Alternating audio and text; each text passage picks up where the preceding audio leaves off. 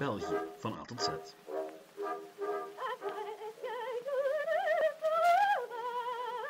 Welkom bij België van A tot Z en welkom bij letter U. U van Unie.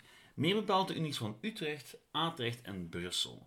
Al gaat dit reeksje eigenlijk vooral over de opstand. Vorige week legde de opvolger van Alva Requesens het loodje te Brussel in 1576 en werden de Spaanse soldaten iets wat ongeduldig betreffende hun nog steeds uitblijvende soldij.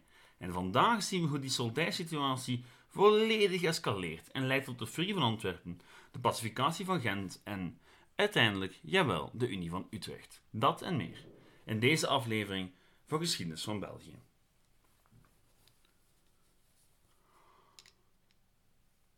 Oké, in 1576 had de Spaanse financiële malaise een hoogtepunt bereikt, net als de woede onder de Spaanse soldaten. De eerste muiterij vond plaats bij Zierikzee en daarna volgde Aalst. En op 20 oktober 1576 de Spaanse furie van Maastricht. In Maastricht deed de lokale bevolking een poging om het Spaanse garnizoen te verjagen, wat de combinatie van Spaanse troepen en muiters een uitstekend excuus gaf om de stad te plunderen en zowat 1500 burgers van hun leven te beroven. Nu, geloof het of niet, maar Maastricht was slechts de voortbode van de meest bekende Spaanse furie, die van Antwerpen. Maar er was tevoren al een nieuwe politieke revolutie aan de gang in de Nederlanden, en dan vooral de zuidelijke Nederlanden. De plunderingen van Maastricht, Aalst en anderen hadden ervoor gezorgd dat men in sommige steden de sprong al gewaagd had naar een meer rebelse positie. Gent bijvoorbeeld. Nu, dit is voor iedereen die al langer naar deze podcast luistert, al lang geen verrassing meer. Gent heeft nu eenmaal een lange en trotse geschiedenis van opstanden tegen wie dan ook die denkt iets over de Vierstad te zeggen te hebben. En eens de muiters door de streek zwierven, duurde dan ook niet lang of de macht werd gegeten door opstandelingen. In Brussel vond zelfs een kleine staatsgreep plaats, waarbij de Raad van State, u weet wel, de adviesraad van de koning die de regio regeerde in afwezigheid van een landvoogd, wel, die werd gevangen genomen en afgezet. In Vlaanderen en Brabant waren het in oktober van 1576 dan ook de staten die de macht gegrepen hadden en zich de facto bij de opstand hadden aangesloten. Er werd een Staten-Generaal samengeroepen in Gent en dat leidde ons tot ondertekening van de pacificatie van Gent op 8 november 1576, vier dagen na de Staatse van Antwerpen. Een gebeurtenis die erin slaagde om 16 van de 17 provincies één front te laten vormen. Uitgezonderd Luxemburg. Van Kamerijk in Frans-Vlaanderen tot Groningen in Friesland, van Maastricht tot Sluis, met dank aan de materij van duizenden Spaanse soldaten, was er plots een eensgezind front tegen de Spaanse vorst en tegen zijn landvoogd. Nu heb ik de tijd niet om alle gevallen van muiterij uitvoerig met u te bespreken, dus beperk ik mij tot diegene die vriend en vijand met verstomming sloeg, die van Antwerpen. Wat ons brengt tot een heerschap genaamd Sancho d'Avila. Al heb ik hem nog niet bij naam genoemd, in werkelijkheid speelt die Sancho d'Avila al een tijdje mee in ons verhaal. Davila was bij aankomst in de Nederlanden immers het hoofd van de lijfwacht van Alva en door die laatste belast met de arrestatie van Egmond. U weet wel. Egmond, stadhouder, te dood veroordeeld en onthoofd op de grote macht van Brussel. Wel, die Davila die kreeg tijdens de opstand een militair commando van Alva. En het was die Davila die de Spaanse troepen aanvoer bij de slag op de Mokerhei. U weet wel, die slag waarin twee broers van Willem van Oranje omkwamen bij een poging om Leiden te ontzetten over het land. Wel, die klevere jongen van Davila was in 1570 commandant van de citadel in Antwerpen en had absoluut geen enkele intentie om zijn jongens te weerhouden van metterij. Integendeel, om zijn eigen positie te behouden, zou hij ze zelfs een handje toesteken. Zou hij hen leiden in de metterij. Maar er was wel een probleem in Antwerpen. Er waren immers ook Duitse huurlingen aanwezig en Waalse versterkingen. En de Antwerpenaren zelf zouden er ook alles aan doen om hun stad ja, heel te houden. Davila probeerde de Duitse aanvoerder aan zijn kant te krijgen bij een drinkgelag en stuurde ook berichten naar de meiders in de rest van de lage landen met een vriendelijk verzoek hem een handje toe te komen steken, om de rijkste stad van de Nederlanden te plunderen. Nu, die Antwerpenaren ja, die zagen de wolk al hangen en besloten om voor hun eigen veiligheid te zorgen. Daar zijn nog de Spanjaarden, nog de Duitsers, nog de Walen vertrouwden. Meer dan 10.000 Antwerpenaren wierpen primitieve verdedigingswerken op in de hoop hun stad zo te kunnen beschermen. En dit lijkt mij het aangewezen moment om eventjes te wijzen op wat hier eigenlijk gaande was. Dit was namelijk geen onderdeel van de opstand. Het was in de stad de aan de koning getrouwe stadhouder Frederik Pernot die de burgers leidde in hun poging de stad te verdedigen. Want van geuzen of oranje, daar was geen spoor van te bekennen. Er waren enkel soldaten en burgers. En soldaten die in theorie aanwezig waren om de burgers te verdedigen. Te verdedigen van de protestanten, te verdedigen tegen de geuzen. Maar ja, van verdedigen zou er weinig in huis komen. Mensen net het omgekeerde doen, onder leiding van hun adellijke commandant Davila. Goed, in de loop van 3 november arriveerden de muiters uit Lier, Breda en Maastricht en op de ochtend van de vierde deden die het Aalsten intreden, wat de totale sterkte van de muiters op meer dan 10.000 man bracht. Genoeg om Davila het nodige zelfvertrouwen te geven voor een aanval op de stad. U weet wel, de stad die hij zogezegd beschermen moest. De Antwerpenaren probeerden bovenop een geïmproviseerde omwalling de storm nog tegen te houden, maar tja, de Spaanse overmacht bleek niet te stoppen. En er werd wel degelijk gevochten, tot op de grote markt en het stadhuis toe. Zo stevig zelfs dat een groot deel van de binnenstad in vlammen opging. Of waarom men in Antwerpen nog maar weinig echt middeleeuwse gebouwen heeft staan en er heel veel barok staat, uit het einde van de 16e, begin van de 17e eeuw. Nu, terwijl de stad, of in elk geval een deel van de stad in vlammen opging, volgden drie dagen van plundering, moord en verkrachting. Al het verzet van burgers, Waalse huurlingen en Duitse huurlingen te spijt. Die laatsten zouden zelfs overlopen naar de kant van de mijters. Toen het stof eindelijk was gaan liggen, zouden er zo'n 7000 doden geteld worden en was heel wat van Antwerpens rijkdom weggevoerd. In november 1576 werd Antwerpen dus geplunderd door Spaanse troepen. Het grote probleem met die plundering was dat ze niet gericht was tegen een vijandige stad, bezet door geuzen, maar tegen een nog steeds koningsgezinde stad, een loyale stad. En de gevolgen voor de opstand waren ook niet te overzien. In 1575 leek de Spaanse kroon de situatie weer grotendeels onder controle te hebben. Ja, Holland en Zeeland waren daar wel nog steeds in opstand, maar de rebellie leek echt wel beperkt te zijn tot die twee provincies. De situaties van 1572, waar zowat de hele lage landen zich spontaan hadden aangesloten met de opstand, ja, dat was nog slechts een verre herinnering. Spaanse militaire macht, een meer gemoedelijke aanpak, ja, die twee hadden de gemoederen iets wat doen bedaren al waren de onderliggende oorzaken nog niet verdwenen natuurlijk. Nog de protestanten en rebellen die in 1572 hun steden hadden laten overlopen naar Oranje en Co. Die zaten daar nog wel. Ze wachten enkel op een gelegenheid om opnieuw de macht te grijpen. En met de metterijen en de Spaanse furie was die gelegenheid gekomen. Nu, de metterijen leidden dus tot de pacificatie van Gent. Maar wat stond er eigenlijk in dat verdrag? En waarom is dat achteraf in elk geval zo belangrijk? Wel, kort samengevat betekende het dat de zuidelijke Nederland zich officieel aansloten bij de opstand. Niet zomaar enkele steden, zoals eerder was gebeurd in 1572, maar ook de officiële vertegenwoordigingsorganen van die provincies. En tegelijkertijd werden er ook duidelijke eisen in de richting van de vorst verwoord. Ten eerste moesten alle Spaanse troepen de Nederlanden verlaten. Ten tweede zou de Staten-Generaal van dan op eigen initiatief bij elkaar komen en niet enkel op vraag van de vorst. Ten derde moest er amnestie komen voor de opstandelingen. Ten vierde moesten alle oude privileges en rechten hersteld worden. Ten vijfde zouden Nederlandse edelen de Nederlanden moeten besturen. En tenslotte zou een zekere Willem van Oranje aangesteld moeten worden als regeringsleider naast de landvoogd. Een hele boterham dus, al is het u misschien opgevallen dat er één heikel punt niet besproken werd: godsdienst. Over godsdienst werd met geen woord gerept, omdat men het er nog altijd niet over eens was. Herinnert u zich nog hoe Holland en Zeeland tijdens de bezetting van 1572 volstroomden met Calvinistische bannelingen, hoe de katholieken daar op de vlucht sloegen en hoe de lokale bevolking die overbleef radicaliseerde? Wel, die twee provincies hadden dan ook weinig interesse in godsdienstvrijheid, toch niet voor katholieken, terwijl andere gewesten, waar de bevolking nog grotendeels katholiek was, godsdienstvrijheid wou voor iedereen. En die houding van de Calvinisten maar ook van de Spaanse koning, was eigenlijk niet uniek. Een monogame maatschappij met één religie werd beschouwd als de norm, werd zelfs beschouwd als goed. En dat brengt mij tot een kleine excursus over het politiek-maatschappelijke belang van religie in deze periode. Want voor de moderne mens in postverzelling België of Nederland is het soms wat moeilijk te begrijpen waarom Calvinisten die jaren eerder zelf vervolgd werden voor hun geloof, eens ze het zelf voor het zeggen hebben, geen anders gelovigen meer in hun midden toelieten. Het heeft niet enkel en alleen te maken met wraakgevoelens, ook met een specifieke visie op politieke macht.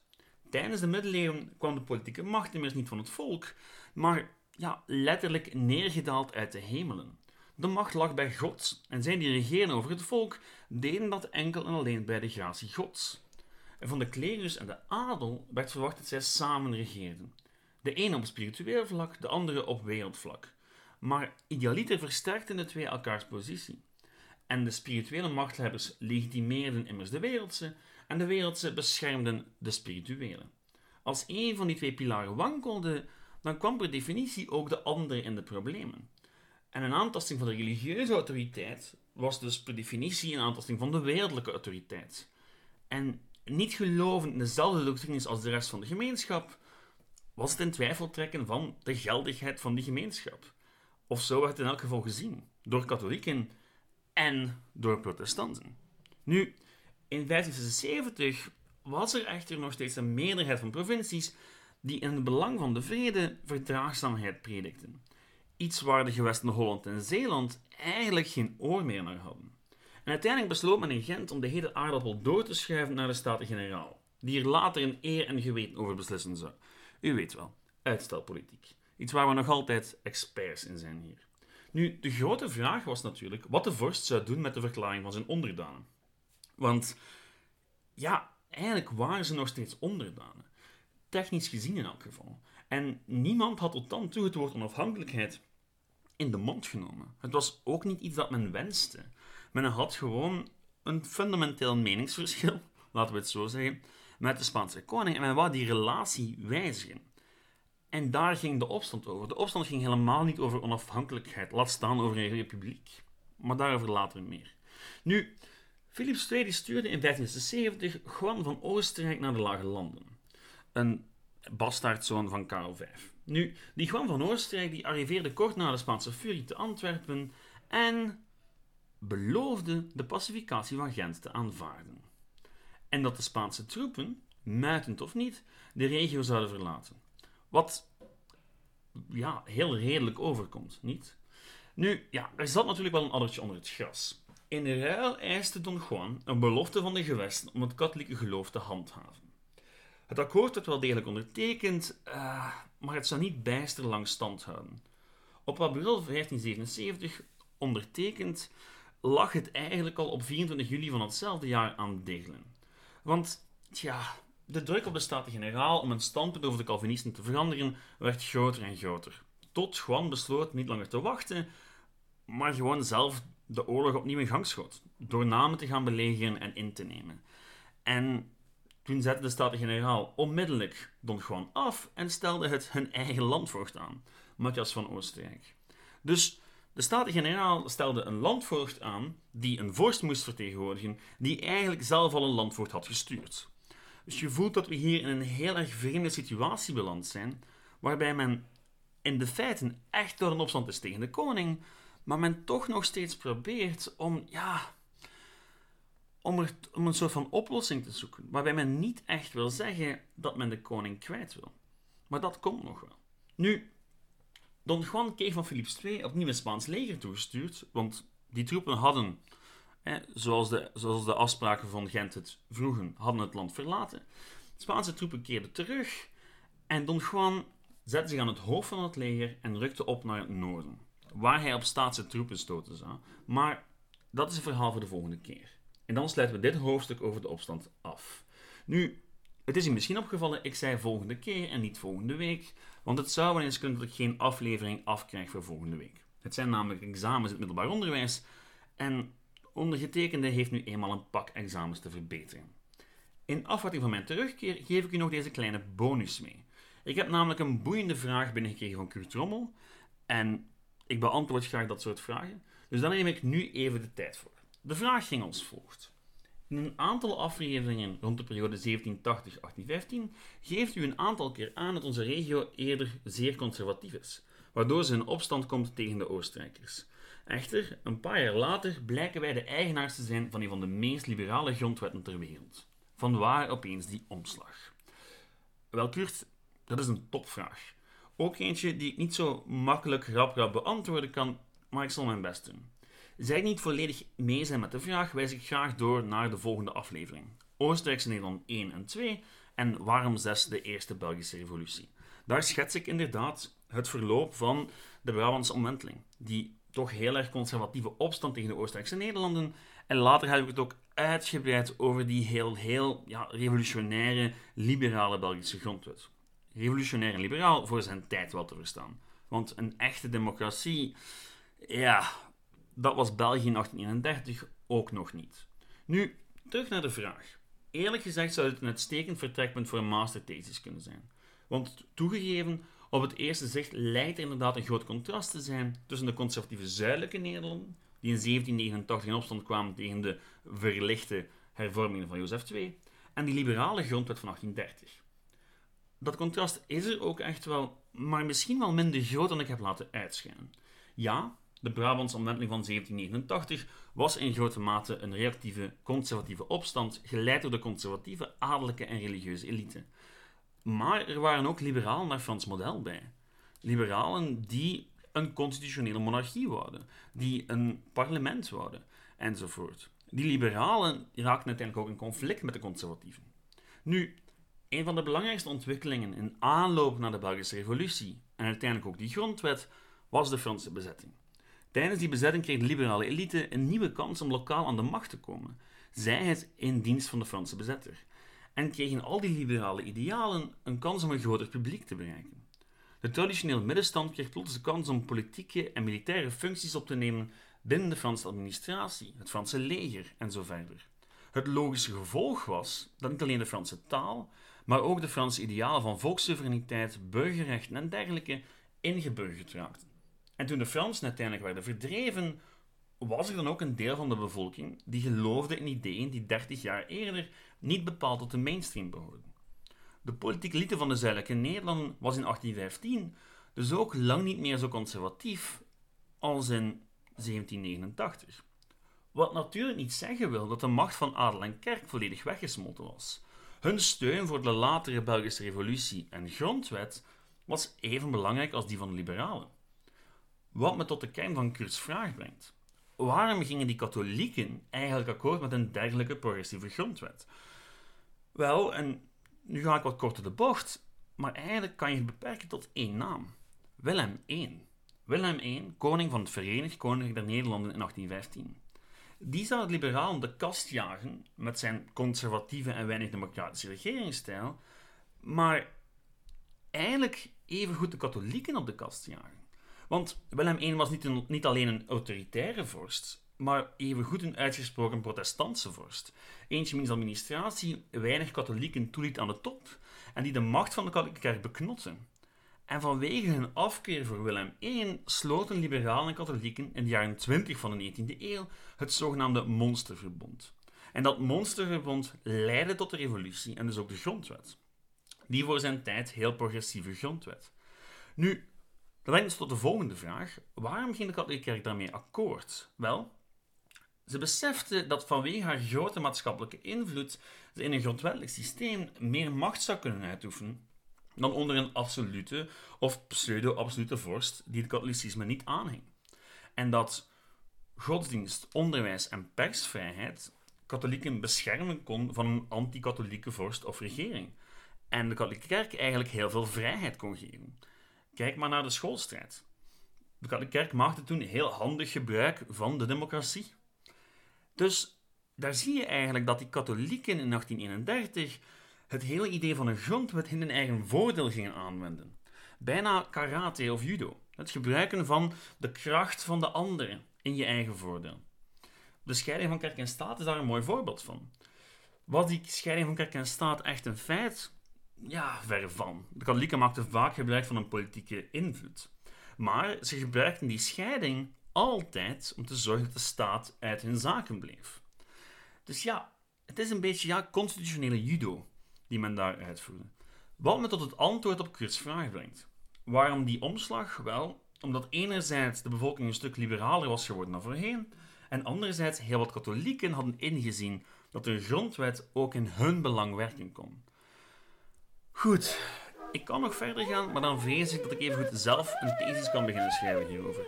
Hebt u ook een vraag? Stuur ze dan naar geschiedenisvan.outlook.be en als ik er genoeg heb, maak ik er een hele aflevering van.